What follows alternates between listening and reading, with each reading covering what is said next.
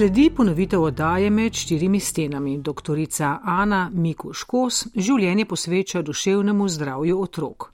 Kot otroška psihiatrinja, dolgoletna vodja svetovalnega centra za otroke in mladino v Ljubljani, predsednica slovenske filantropije, avtorica številnih knjig in člankov o duševnem zdravju otrok ter dobitnica številnih priznanj, tudi danes budno spremlja področje duševnega zdravja otrok in z izkušnjami spremlja begunski val iz Ukrajine, ki je pljusknil tudi v Slovenijo kako razmišlja o post-covidnem času in vplivu na duševno zdravje otrok. Ta in druga vprašanja je je zastavila Darja Groznik. Prvo vprašanje pa, kakšne travme otrokom povzroča vojna, beg, novo okolje. Vse vojne zaznamujejo otroke in so zares povzročajo veliko trpljenje in hude čustvene rane. Eh, Kako bodo otroci to doživljali, v kolikšni meri je pa tudi odvisno od okoliščin, od konteksta. E, naprimer, otroci in tudi odrasli posebej težko doživljajo, ko se jim nekaj slabega zgodi se strani nekega soseda, sosednega naroda, prijateljskega naroda, bratskega naroda. Čim bližje ti je oseba, ki ti povzroči nekaj hudega, tem večja je čustvena prizadetost zaradi tega. In seveda eh, ta ukrajinska zgodba je pač taka, da se dogaja, da prihaja zlo s strani ljudi, s katerimi, oziroma naroda, s katerim so Ukrajinci tesno povezani. Ne? To so Rusi zelo veliko prijateljskih vezi, mešanih zakonov in tako naprej. Torej, spomnim se otrok iz Bosne, ko smo jih spraševali, kaj je bilo najhuje za tebe in so rekli, najhuje je bilo mnogi, ko je moj učitelj, ki sem, ki sem ga imel rad, ki je bil dober človek, prišel svojo puško v naše stanovanje in nas pregnal od doma. To se pravi, ne samo, da si bil pregnan od doma, ampak kdo je to storil. No in ob tem bi eh, rada povedala, da eh, mi ko govorimo o vojnih otrocih, običajno govorimo samo o travmah, eh, ampak nikako ne gre samo za travme, gre tudi za izgube, kar ni nič manj pomembno. To so bodi si izgube ljubljenih oseb, izgube doma, ampak tudi neke izgube na ravni, metafizični ravni, na ravni duhovnosti. Namreč izguba vera v človeka, izguba zaupanja, nekdo, s katerim si živel v dobrih odnosih, dobro sosedskih odnosih, naenkrat postane tvoj sovražnik, svet se podre, izgubiš občutek varnosti, izgubiš občutek vere v človeka. In seveda, ko se vprašamo, kaj mi lahko naredimo za otroke vojne, ko pridejo k nam kot begunci, se mi zdi, da niso psihologi in psihiatri na, v prvi liniji rešitelji tega. V prvi liniji smo mi vsi navadni ljudje, ki pridemo v stik s temi otroki, ne vem, kot sosedi, kot socialni delavci, kot zdravstveni delavci, zlasti kot vzgojiteljice in pedagogi. Eh, in da ponudimo tem otrokom nek občutek varnosti in občutek človečnosti. A veste, ker ta občutek človečnosti, ta izkušnja človečnosti potem deluje kot neka protivtež tej slabi izkušnji, ki se je zgodila, temu izgubi zaupanja, temu razočaranju, temu, da se ti je svet podaril, podoba sveta podrla in zdaj ti doživiš nekaj dobrega in ti to pomaga, da ponovno zgradiš neko bolj realno sliko o svetu, v katerem so slabe reči, gotovo, ampak so pa tudi dobre reči, so tudi dobri ljudje. In to se mi zdi, torej varnost in človečnost se mi zdi osnovni kvaliteti, ki jo lahko ponudimo. Eh, tem otrokom.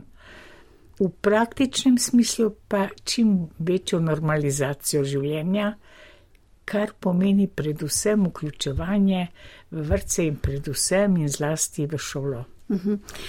Omenila sem, dva milijona otrok je v tem času iz Ukrajine zbežalo v Evropsko unijo.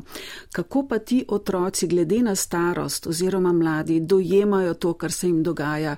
Je mogoče stereotipno razmišljanje, da zelo majhni otroci pravzaprav ne vedo, kaj se dogaja okoli njih in te travme laže prenesejo, kot pa naprimer mladostniki pri 16-17, ki se jim dejansko podrecijo v svet, izgubijo prijatelje uh, in mogoče vse te razmere dojemajo drugače. Ja, eh, Prosite, malo bom uh, zašla od vašega vprašanja, ampak se vrnem na namreč ob teh dveh milijonih. A veste, pravkar sem dobila en zelo visoko strokovni članek, ki trdi, da bo vsak tretji ukrajinec, to govori o odraslih osebah, begunec, imel potraumatsko stresno motnjo. Potem za, to, za te otroke naj bi to še bolj veljalo, ker otroci so bolj ranljivi, bolj občutljivi, kar pomeni, da bi imeli opraviti kakih 700 tisoč otrok, ki bi imeli neko motnjo, ki jo definiramo kot psihiatrično motnjo. In zaradi tega se mi zdi zelo pomembno, da razmišljamo, kaj lahko naredimo za množico teh otrok. No, mislim, toliko uh, uh -huh. uh, o, še enkrat malo digresije. No, drugo vprašanje, kako se glede na starost učinki vojne razlikujejo, seveda se razlikujejo, uh, vendar, veste, greš uh, tudi zato, da otroci doživljajo tudi vojno preko svojih staršev. Starši, ki so sami prestrašeni, vznemirjeni, to prinašajo na otroka, tudi če otrok ne razume dogajanj okrog sebe. No in seveda so otroci prizadeti zaradi vseh teh prikrajšanosti, eh, v katerih živijo in, in teh negativnih sprememb življenja, tudi zelo majhni otroci. Ampak rada bi povedala, da tudi, ne vem, triletni otrok se še kako zaveda, kaj pomeni vojna. Ne vem, eh, a ste videli na eni televizijski oddaji, je bil en triletnik, ki je upil tanki, tanki, tanki s eh, prestrašenim izrazom obraza, ker je očitno vedel, da so tanki nevarni. Eh, in Zdaj, čim starejši otrok, tem bolj se to doživljanje približuje doživljanju odraslega, ampak, veste, eh, otroci se bolj zavedajo, bolj razumejo, kot jim to pripisujemo dosti krat. Eh, in eh, nekako podcenjujemo razumevanje otrok in tudi njihovo doživljanje, pa tudi kaj se v njihovih dušah dogaja. Recimo, veste, mali otrok zaupa staršem, zdaj so starši vse mogočni, ne?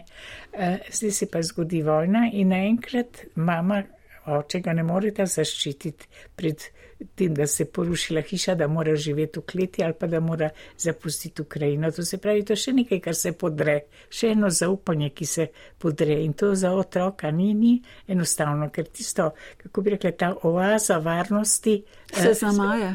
Ja, se, se zamaje. Uh, potem recimo uh, občutja krivde, a veste, pri beguncih, ki zapustijo Ukrajino, so zelo pogosto občutja krivde, ker tam je ostal mož kot borec, tam so ostali mogoče stari starši, ki se niso hoteli premakniti in ljudje, ki so odšli, se čutijo krive v odnosu do tistih, ki so jih zapustili. In mi to skrat mislimo, da je to samo pri odraslih, ampak tudi otroci, že od, ne vem, nižjih razredov gimnazije, eh, pardon, osnovne šole, imajo ta, ta občutja krivde, da sami so v neki situaciji varnosti, so pa za sabo pustili, ne vem, očeta, prijateljčke, staro mamo. E, tako da otroci več razumejo in tudi bolj diferencirano moralno doživljajo, kar se dogaja, kot si to predstavljamo. Vi ste se veliko ukvarjali z begunskimi otroki, tudi v času vojne na Balkanu, kot ste prej že omenili, delali ste z begunskimi otroki na Hrvaškem, v Bosni in Hercegovini in svoje zamisli o nudanju psihosocialne pomoči tem otrokom, žrtvam vojnega, povojnega nasilja.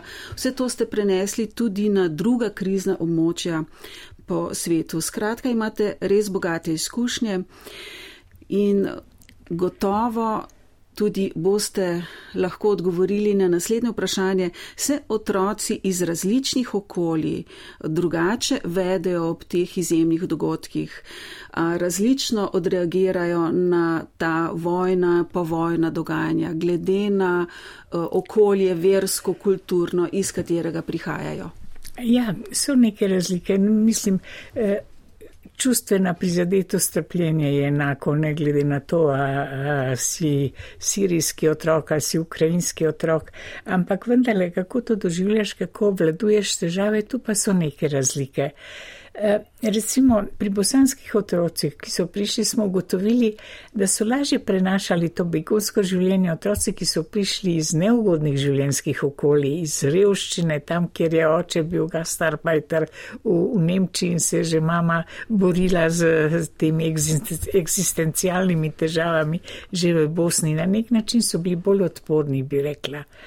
Eh, druga stvar je ta, da kako bo otrok doživljal eh, vse hudo, kar se mu dogaja, seveda je odvisno tudi od staršev, ampak zdaj govorimo o nekem širšem kontekstu. Namreč eh, za otroke je tudi pomembno, tako kot odrasle, da so. Da je trpljenje, da so izgube osmišljenje. In vidite, to je res zanimivo. Jaz še zdaj delam v Gazi, ker seveda se zelo veliko slabega dogaja in tam so veliko raziskovali učinke teh traumatske učinke in učinke izgub na otroke. In so ugotovili v večjih raziskavah, da otroci, katerih očetje so eh, umrli, padli v vojni kot borci, kot junaki, kot čehidi, kot pravijo tam, eh, da ti otroci so lažje prenesli izgubo očeta kot tisti, ker je oče bil pač slučajno kot civilist ubit. Eh, spomnim se tudi na Kosovu, je bila podobna zgodba. Učitelji so vprašali, kaj, kaj pomaga otrokom, če izgubijo očeta. Pa pravi, jo, ja, pomaga mu to, če rečeš otrokom, oče je padel za neodvisnost Kosova in na nek način je to osmišljena izguba. Vse z odraslimi je podobno. Namreč poleg izgube nas prizadeva nesmisel izgube. Mhm. Številke se seveda spreminjajo, ampak zadnja, ki velja, je naslednja. V Sloveniji je prijavljenih približno 4800 ukrajinskih beguncev, nekaj več kot tisoč naj bi jih pridobilo status začasne zaščite. No, po podatkih Ministrstva za izobraževanje je v pouk na slovenskih osnovnih šolah vključenih nekaj manj kot 600 otrok iz Ukrajine. Ti otroci imajo status učenca zaščito. Eh, tako kot eh, velja za učence s statusom tujca, imajo tudi ti ukrajinski otroci zdaj leto dni časa za prilagajanje v šoli, se učijo slovenščino, eh, ne bodo ocenjeni. Doktorica Anica Mikuškos, kakšne napotke bi vi dali vsem tistim, ki se s temi ranjenimi otroki ukvarjajo. Nekaj ste že povedali na začetku, pa tudi, če boste ponovili, nič hudega. Skratka, napotek za vse, ki se soočajo. Uh, Ja. Eh, prva stvar, ki bi jo rada povedala, je to, da za, za otroke begunce je vključitev v šolo in obiskovanje šole glavni varovalni dejavnik. A veste, šola pomeni normalizacijo življenja. Šola pomeni, da otrok obdrži svojo socialno vlogo. Namreč izguba socialnih vlog je tudi zelo prizadeva ljudi. Ne vem, prej si bila učiteljica, oče je bil kmet, pa je prinesel hrano domov, eh, zdaj pa vse to ni. Ne mislim, ker nima neke pozicije, ni, ne služi denarja. Dobro, upajmo, da se bojo ti Ukrajinci lažje zaposlovali, kot so se drugi begunci pri nas. Edini, pravzaprav edini sek populacije, ki v celoti obdrži svojo socialno vlogo, so otroci in mladostniki, ki grejo v šolo, ker te evropske države vsaj poskrbijo za všolanje. On je bil učenec ali pa dijak prej, on je učenec in dijak sedaj ima svoje delovno mesto, ima svojo klop, svoj, svoj sedež, ima svoje naloge, ima nek program do konca šolskega leta, ima svoje obveznosti. In veste, to, to je pomemben element, ta stabilnost in ta element normalnosti. E, drugo je to, da seveda integracija za, za ta izsek populacije mnogo lažje. Oni so potopljeni v slovensko okolje. Hočeš nočeš, so v stiku nekaj ur dnevno s slovenskim okoljem, slovenskim jezikom, eh, s slovenskimi pravili vedenja, zapisanimi in nezapisanimi. No in to se mi zdi, da, da, je, eh, torej, da je treba vedeti eh, in da si je treba prizadevati, da se v šoli čim več dobrega dogaja. Eh, kaj se dobrega dogaja v šoli, to je odnos eh, učitelja do, do otroka, zlasti pa odnos vrstnikov do otroka, eh, možnost tega otroka, da se izkaže na nekih področjih, da tudi sam prispeva nečemu, da ni samo tisti, ki čaka na pomoč. Pri tem pa bi opozorila, da se mi zdi zlasti pomembno, da te otroke spremimo kot otroke, kot učence, kot dijake, da je to prvi atribut, ki jim damo, ne pa begunec. Aha. Kaj bi vi svetovali, naprimer, staršem otrok, ki so dobili nove sošolce? Ali pa je ta jezikovna barijera tolikšna, da ne bo uh, premustila razlike med njimi? Skratka, kakšen je nasvet za otroke, za starše otrok, ki so dobili je. Ja. nove sošolce. Torej, A veste, mogoče ne pri jezikovni barijeri. E, torej, se vsekakor je znatno manjša kot v odnosu do afganistanskih jezikov ali pa do arabskega jezika. Ne? E, vendarle so neke skupne besede in, in se mi zdi, da je lažja komunikacija. Drugo je to, da e, nek, je pravzaprav kar precej ljudi v Sloveniji, ki govori rusko, manj ukrajinsko, ampak večina teh ljudi le govori rusko. Tako da sem slišala zelo, zelo, zelo lepe primere, recimo, ko so ruski otroci v osnovni šoli pomagali svojim ukrajinskim vrstnikom. To se mi zdi res lepo. tako prav lepo in gledljivo, res. E, to je ena stvar. E, druga stvar je ta, da tudi ti otroci hitro osvajajo slovenski jezik, ker jim je blizu, ne? ker je čist drugo za arabskega otroka se učiti slovenščino, kot pa za ukrajinskega otroka. No, tretja stvar glede jezika je pa to, veste, silno pomaga, to vedno ponavljam, če se nauči tisti, ki ima upraviti z otrokom deset ukrajinskih besed. Ni treba več kot deset, ampak to pomeni, jaz ti pridem nasproti, ni se treba samo tebi učiti našega jezika. Evo, jaz sem se naučil tudi nekaj besed tvojega jezika. Tiste preproste, dober dan, kako se imaš. Torej, to, je, to, to je en tak zelo lep pristop. E, to je eno. Drugo, kaj bi staršem svetovala? Ja, da pravzaprav, da z odprto, s, s potr, odprtim srcem in odprtimi rokami pristopijo tem, tem, tem otrokom. In da tudi svoje ja, otroke opogumijo v tej smeri. Ja, si to mislim za otroke, ja, da opogumi, da starši to otroko na otroke prenesejo. In potem tudi, da veste, tudi tako čist praktično. Eh, da kdaj povabijo tega otroka, ne vem, na kak rojstni dan, na kak izlet. Mislim, to otrokom ogromno pomaga. Spet se bom sklicevala na bosanske otroke, ko smo jih spraševali, kaj ti v Sloveniji najbolj všeč. Smo ne malo krat slišali odgovor, da me Slovena spozove kuči. Ker to pomeni, sem sprijeta, veste, to je nekak dokaz, sem, sem sprijet, me marajo, nisem odveč. Uh -huh. uh, Tako da uh, se mi zdi, da to, to je res važno. Je pa res seveda eh, pri tem tudi uh, učitelj zelo pomemben in moram reči, da sem slišala za nekaj zelo lepih modelov že. Sem bila na osnovni šoli v Šenčuru, pa so mi povedali, imajo enega otroka iz Ukrajine in so dogovorjeni, da vsak dan štirje sošolci poskrbijo za njim, da ni sam, da mu pomagajo, kar je treba. In veste, to ni samo pomoč temu ukrajinskemu otroku, to je velika učna solidarnosti za slovenske otroke, ker to potrebujejo in bodo potrebovali in za slovenske otroke in za morebitne druge begunce, ki pridejo, ne vem, zaradi klimatskih sprememb in tako naprej. Mhm. In za vse to ne rabimo nekih navodil iz centrov moči visoke iz znanosti. Ministrstva za ja, šolstvo. Ja, Skratka, odprimo svoje srce in tako. človečnosti dajmo pot. In tudi ne rabimo, kar je danes nad vse pomembno, kakega posebnega denarja. Um, doktorica Anica Mikuškos, ali so te travme nekaj, kar bo povsem spremenilo njihova življenja? Mislim tu na življenje ja. otrok, ki prihajajo iz vojnih območij.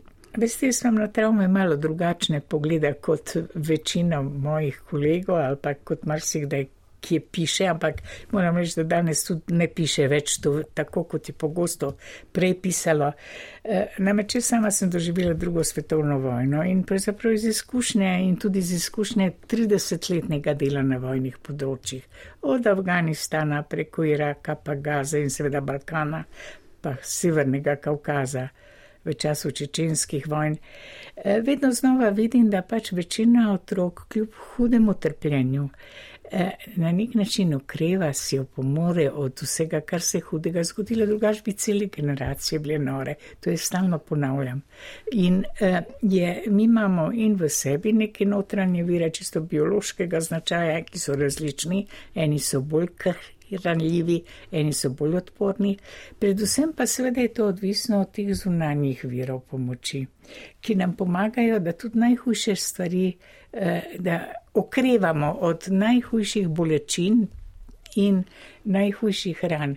Okrevamo ne pomeni, da pozabimo, ne pomeni, da ta bolečina ne ostane v nas, ampak pomeni, da nimamo nekih duševnih moten, da nismo, ne rabimo psihiatra, nismo zmedeni, zmešani, nori ali kakorkoli to že poimenujemo. In uh, se mi zdi, da. da No, in ti viri, seveda, če pogledamo, kaj so ti viri, niso bili psihiatri in psihologi, tisti, ki so reševali eh, generacije ljudi pred norostjo, po, po različnih, ne vem, recimo jude, pred pre, pregoni v Poljski in tako naprej. E, to so veri iz naravnih, socialnih in življenjskih mrež, prvo je seveda družina, ampak ni samo družina, ker pri mnogih družine ni, kot ste omenili, prihajajo brez družin, ali pa je družina sama toliko prizadeta, da se njena varovalna moč zmanjša. No in to so, to je šola, takoj za družino je šola, ki ogromno lahko nudi vrstniki, učitelji. E, to so različne dejavnosti, v katere je vključen otrok. To je tudi religija, je, to je ideologija, o tem smo že govorili. Skratka, teh zunanjih virov je e, veliko. E, res je, da v modernih časih se ti viri krčijo. Eh, da so mogoče za neke skupnosti bolj pomembni, kot so eh, in eh, njihova vloga večja, kot je v teh modernih skupnostih, majhnih izoliranih družinah, vsaj v urbanih okoljih. Ampak vendarle ti viri obstajajo in tudi mi kot gostitelji smo en tak naravni vir pomoči. Človeštvo in tudi posamezniki smo um, kar naprej na kakšni preizkušnji, pa zdaj eh, pridem na področje COVID-a, na pandemijo, ki je tudi predstavljala kar veliko preizkušnjo, ne samo uh, za posameznike, tudi za, kot, za društvo, družbo kot celoto. Uh, zelo veliko smo tudi na prvem govorili o duševnih težavah ja. um, mladih, otrok in te težave so eskalirale ravno v času COVID-a, v času šolanja nadaljavi, nadaljavo. No, nekateri strokovnjaki so celo napovedovali pandemijo duševnih bolezni. COVID je pustil posledice.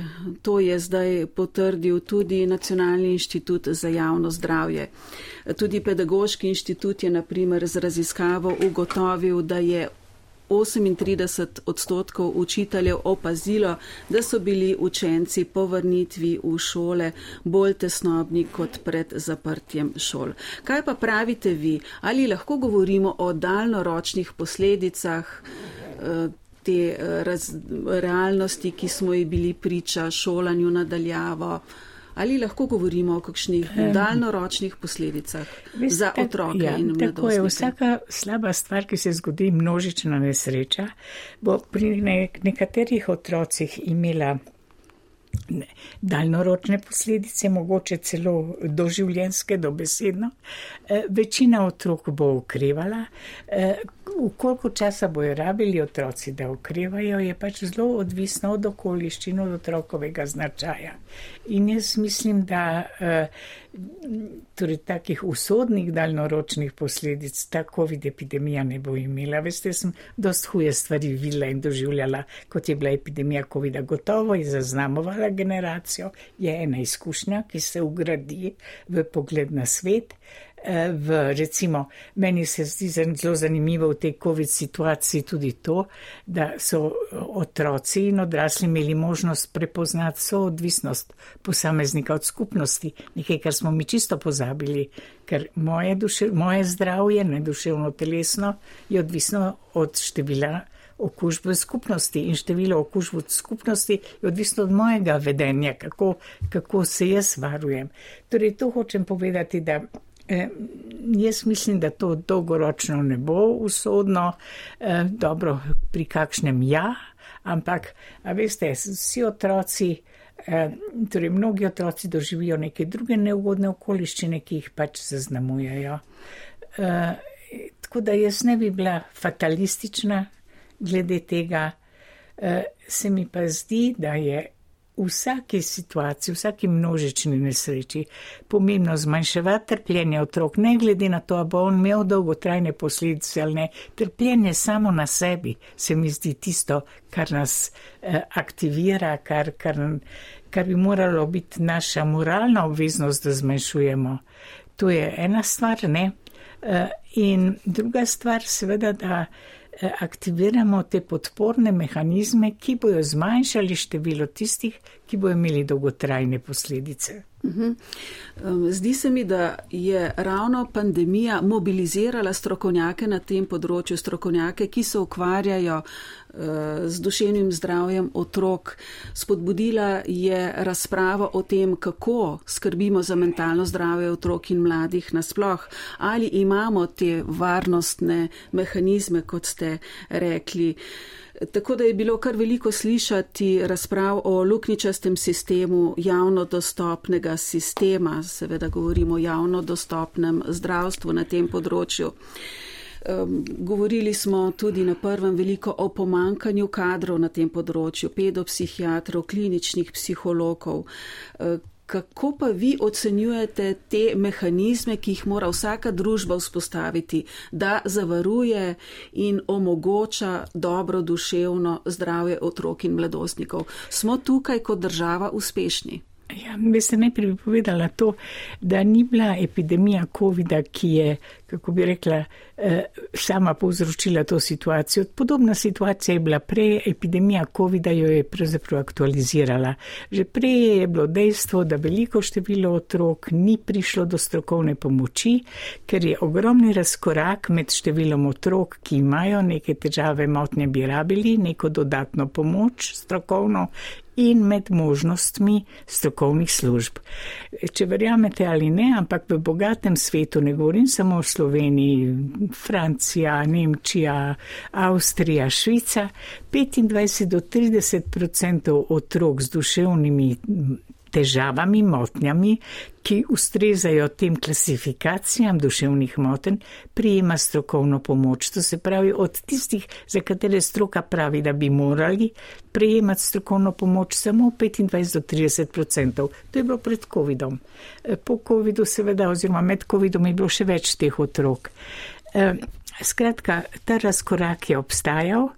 E, moram reči, da jaz sama ne vidim rešitve samo v množenju števila psihologov, psihiatrov in psihoterapeutov. Gotovo je njihovo število premehno, o tem ni dvoma in bi jih potrebovali več. E, ampak e, greš za nekaj drugega, na kar pozabljamo in to je res na to, aktiviranje drugih resursov pomoči, ki lahko otroci prijemajo. Ker mi za teh 700 tisoč traumatiziranih otrok iz Ukrajine ne bomo našli terapeutov.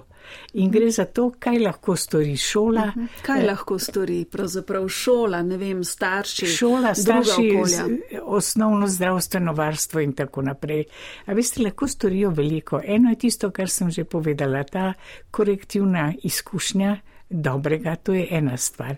Drugo je to, da eh, posam, nekateri ljudje imajo dobesedno od Boga dano možnost pomagati, zmožnost pomagati drugim. Res delujejo kot nekakšni eh, zdravilci v nekem smislu in eh, dajo neko podporo ljudem.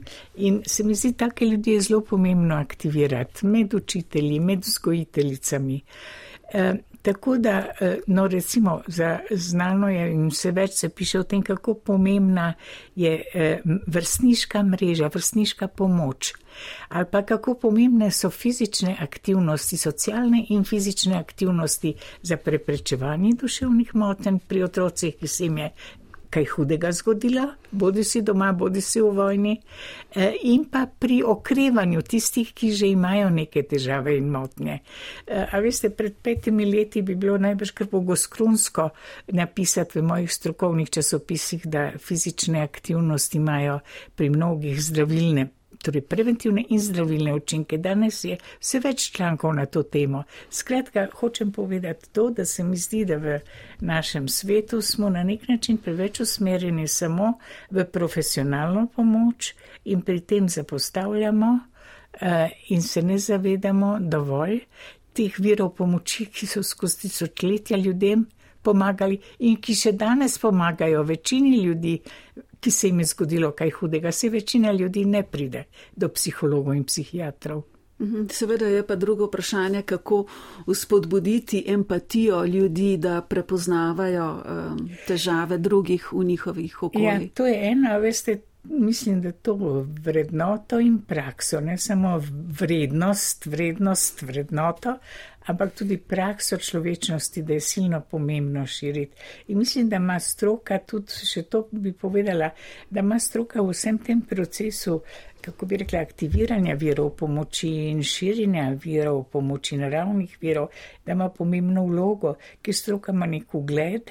Eh, s katerim lahko motivira in stroka ima tudi znanja, dragocena znanja, ki jih lahko prenaša na druge eh, v smislu eh, ozaveščanja, senzibilizacije, učenja, pridobivanja novih znanj.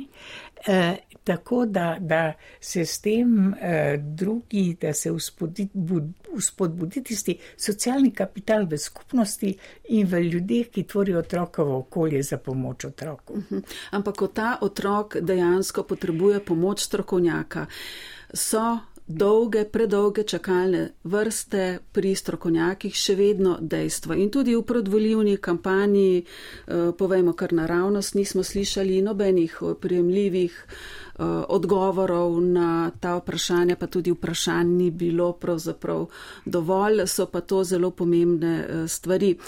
Ljudje, ki iščejo pomoč za svoje otroke, ki so se znašli v taki stiski, da rabijo strokovno pomoč. Se poslužujejo zaradi čakalnih vrst tudi mogoče strokovno manj preverjenih metod, psihoterapij, ki niso mogoče dovolj preverjene. Kaj vi pravite? Ja, jaz sem tu slišala o tem.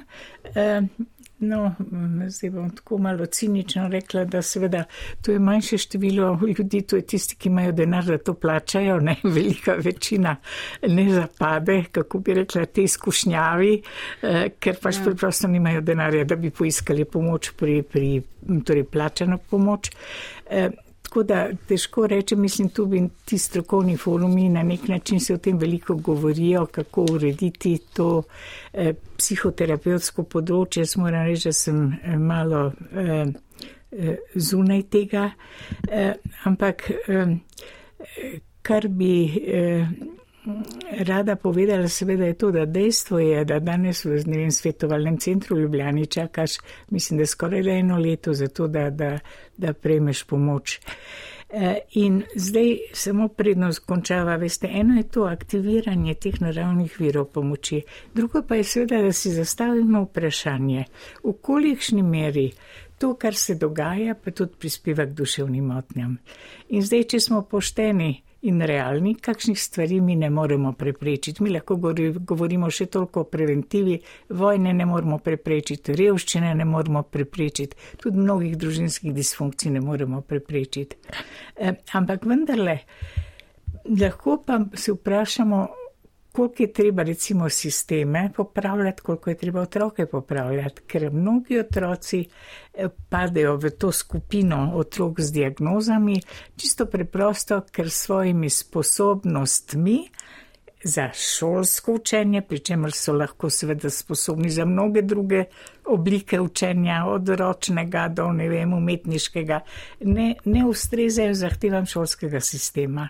In tiste, ki ne ustrezajo zahtevam šolskega sistema ali pa delovnih mest, mi v današnjem času označimo kot otroke z odkloni, z motnjami, s specifičnimi učnimi težavami in jim s tem zagotovimo v bistvu varnost in pomoč, s tem jim zagotovimo prilagoditve znotraj sistema in pomoč. In seveda to je tudi eno vprašanje, koliko bi bilo treba sisteme urediti tako, da ne bi tolikšno število otrok bilo tisti, ki so potisnili v rob, ker niso po meri sistema. Uhum, torej, vendarle ima politika kaj početi na tem ja, področju absolutno. in odločevalci.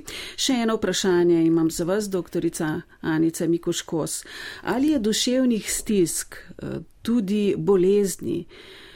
Zdaj več kot naprimer 30-40 let nazaj, ali pa se o tem preprosto več govori in tudi se več detektira teh stisk. Mhm. Govorimo o duševnih stiskah in boleznih otrok in mladostnikov. Eh, a veste, tu so različna mnenja, vendar prevladuje mnenje in raziskave kažejo, da število otrok in mladostnikov z duševnimi stiskami narašča.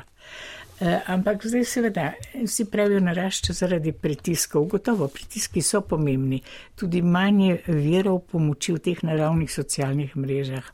Ampak narašča pa tudi zaradi kriterijev normalnosti ali pa tega, kar tvori eh, ideal osebe. Glejte, v Sloveniji vsako leto naraste število otrok, ki so, kako se reče, usmerjeni zaradi specifičnih učnih težav. Jaz ne verjamem, da se to število otrok veča dejansko, ampak preprosto šola vse več teh otrok identificira, starši in celo otroci si želijo, da bi bili uh, uh, uvrščeni v to skupino, ker jim to zagotavlja lažje šolanje. Mhm. Torej, hočem reči, da uh, sistemi, družba na različne načine producirajo to večanje števila otrok, ki dobijo oznako motnje. Eh, in seveda tudi jasno, eh, tudi ozaveščenost narašča, izobraz, torej izobraženost narašča. Tako da je vprašanje, koliko je de facto dejansko več otrok z nekimi težavami, motnjami, ki izvirajo vem, iz njihove biologije in koliko je več teh moten zaradi družbenih in institucionalnih dejavnikov. Mhm. Tako, doktorica Anica Mikuško, s pogovor sva pripeljali k koncu. Hvala lepa še enkrat, da ste prišli v studio in hvala za vaša uh, razmišljanja in srečno seveda. Hvala za povabilo in srečno tudi vam.